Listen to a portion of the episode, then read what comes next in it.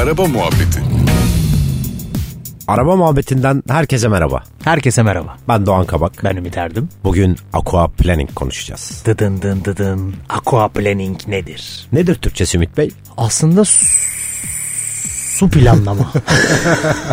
yani biraz şey oldu. Ee, çok hızlı uydurdum olmadı. Bu kadar tehlikeli bir şeye Evet. değişik bir şey uydurdunuz. Evet. Evet. Yani aslında bu nedir biliyor musunuz arkadaşlar? TEM'de, E5'te, otoyollarda e, yolun kenarındaki karşılaştığımız su birikinti, birikintilerinin üzerinden geçerken lastiğin yolla olan tela, temasının kesilmesi demek. Aslında Türkçesi bu. Biraz Evet. uzun Evet, ama bu. o yüzden ben kısalttım zaten Evet. biliyordum. Yani olduğunu. otomobilin yüzmesi demek aslında. Su tahliye kanalları var lastiğin üzerinde. O fazla suda, aşırı suda bir süre sonra tahliye yapamıyor, doluyor ve lastikle asfaltın arasında bir su tabakası oluşuyor ve otomobil resmen yüzüyor. Ve bu sırada da hakimiyet sizde olmuyor. Evet. Özellikle yüksek süratlerde çok ciddi sıkıntılar ortaya çıkabilir. Burada şöyle sıkıntılar var. Ee, insanlar bu durumla karşılaştıklarında frene basıyorlar.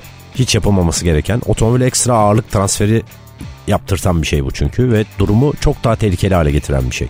Yani genelde aquaplaning'de spin atmalar bu yüzden gerçekleşiyor. Frene bastığınızda bütün ağırlığı öne ekliyorsunuz. Arkadaki ağırlık zaten otomobil sürtünmesi olmadığı için o sırada ağırlık yok lastiklerin üzerinde fazla. İyice ağırlığı boşaltıyorsunuz ve hemen spin atmaya başlıyor araba.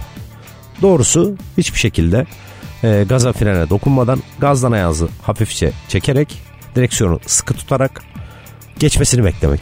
Evet. Evet. Evet. Hepimiz Hafif- özellikle İzmit İstanbul yolunda mutlaka e, kullanıcılar e, bunu hatırlayacaktır. O, yani tam böyle orta refüjün yani sol şeritte gidiyorsun. Refüjle senin aranda bir su birikintisi oluyor mesela. Genelde sol şerit ya aslında sol şerit en hızlı kullandığımız şerit ama hep de burada oluyor maalesef yol koşullarından dolayı. Ve üstelik daha da tehlikeli olanı aracın belki soldaki tekerlekleri buna maruz kalıyor. Yani Evet. orada yani hadi tam bir suya girsen nispeten daha belki kontrol kolay. Şartlar eşit olacağı için. Ama arabanın yarısı su, yarısı kuru olunca inanılmaz Daha bir tehlikeli. level'a geliyor iş. Yani e, burada tabii yine hep söylüyoruz lastik havaların falan çok önemi var. Lastik diş derinliğinin çok çok önemi var. E, biraz da tabii kontra vermeyi bilmek gerekiyor. Evet. E, biraz kontralarla burada iş toparlanabilir. Ama e, ben çok iyi araba kullanan arkadaşlarım bile böyle e, kazalara karıştığını biliyorum maalesef. Biraz aslında çok iyi araba kullanmaktan ya da konuyu bilmekten ziyade refleks yönetimini insanın kendini çok yani bizim refleksimiz hep frene basma üzerine abi. Yani şöyle mesela 3 şeritli bir yol düşünelim. Biz sol şeritte. Bunu yüzlerce kez yaşadım yani. Sol şeritte gidiyorsunuz. Önünüzde bir araba var. Sağda bir kamyon var en sağda. Onun arkasında bir kamyon orta şeride çıkarak onu sollayacak. Yani onların kendi aralarında bir problem aslında. Bizle konunun hiç alakası yok. O sağdan adam en sola çıkmayacak zaten. Çıkamaz adama fizik olarak mümkün değil.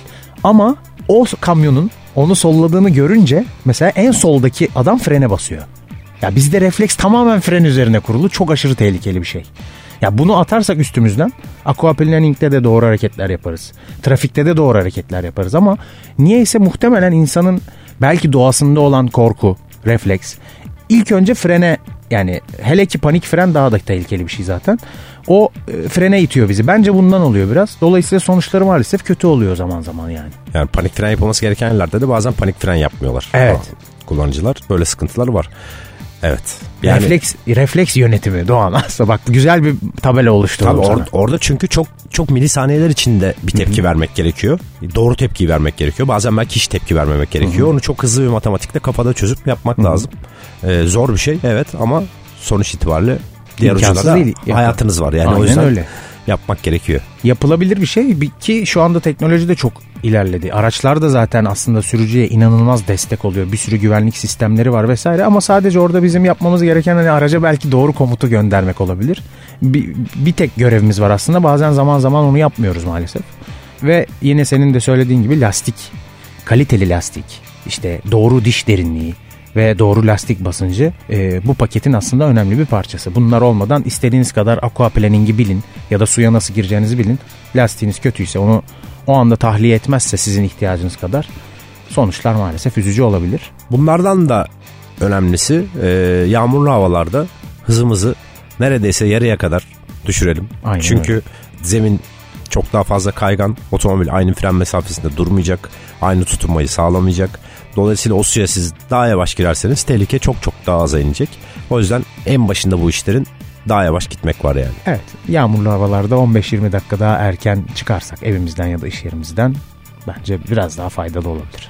Teşekkürler Doğan. Teşekkürler. Araba Muhabbeti